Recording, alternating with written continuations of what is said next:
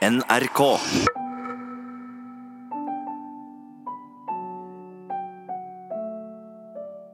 Hei, mitt navn det er Tom Munnviken. Jeg er arbeidssøkende og bor i Oslo. Ellers kan jeg nevne at jeg er formann i Sinte Menns Forening. En frivillig organisasjon for menn som meg, som sliter med å kontrollere sinnet. Ja, nå er jeg på vei til fasttannlegen min, fordi jeg fikk et raserianfall under partilederdebatten på TV i går kveld.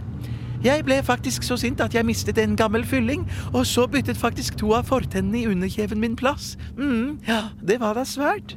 Nå må du kjøre. Du, nå er det grønt lys. Å, nå må du kjøre, det er grønt lys.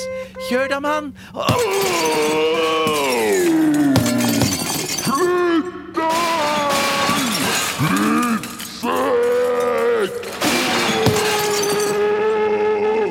Mange mener at det bare må være sunt å få blåst ut litt sinne av og til.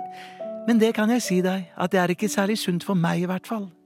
Under raserianfallene mine påfører jeg ofte meg selv både indre og ytre skader, i tillegg til de vanlige materielle skadene hos meg selv og hos andre. Vil du ha litt eh, bedøvelse, Munnviken?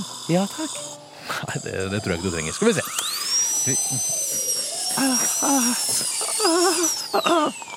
Det var veldig, veldig vondt. Eh, Jeg vil gjerne ha litt bedøvelse, takk. Nei, nei, nei, slutt å tulle. Gap opp nå. Gap opp. Gav.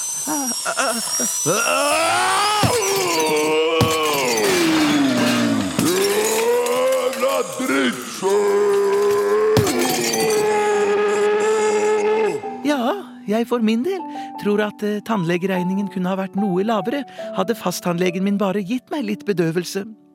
Ja, tenk, bare for en fylling og litt knust tannlegeutstyr må jeg nå betale 2,3 millioner kroner. Ja, og på toppen av det hele må jeg jo skifte ut TV-en min, som jeg delte i to under partilederdebatten. Hvor ble det av musikken nå? Hvor er musikken? Åh, åh!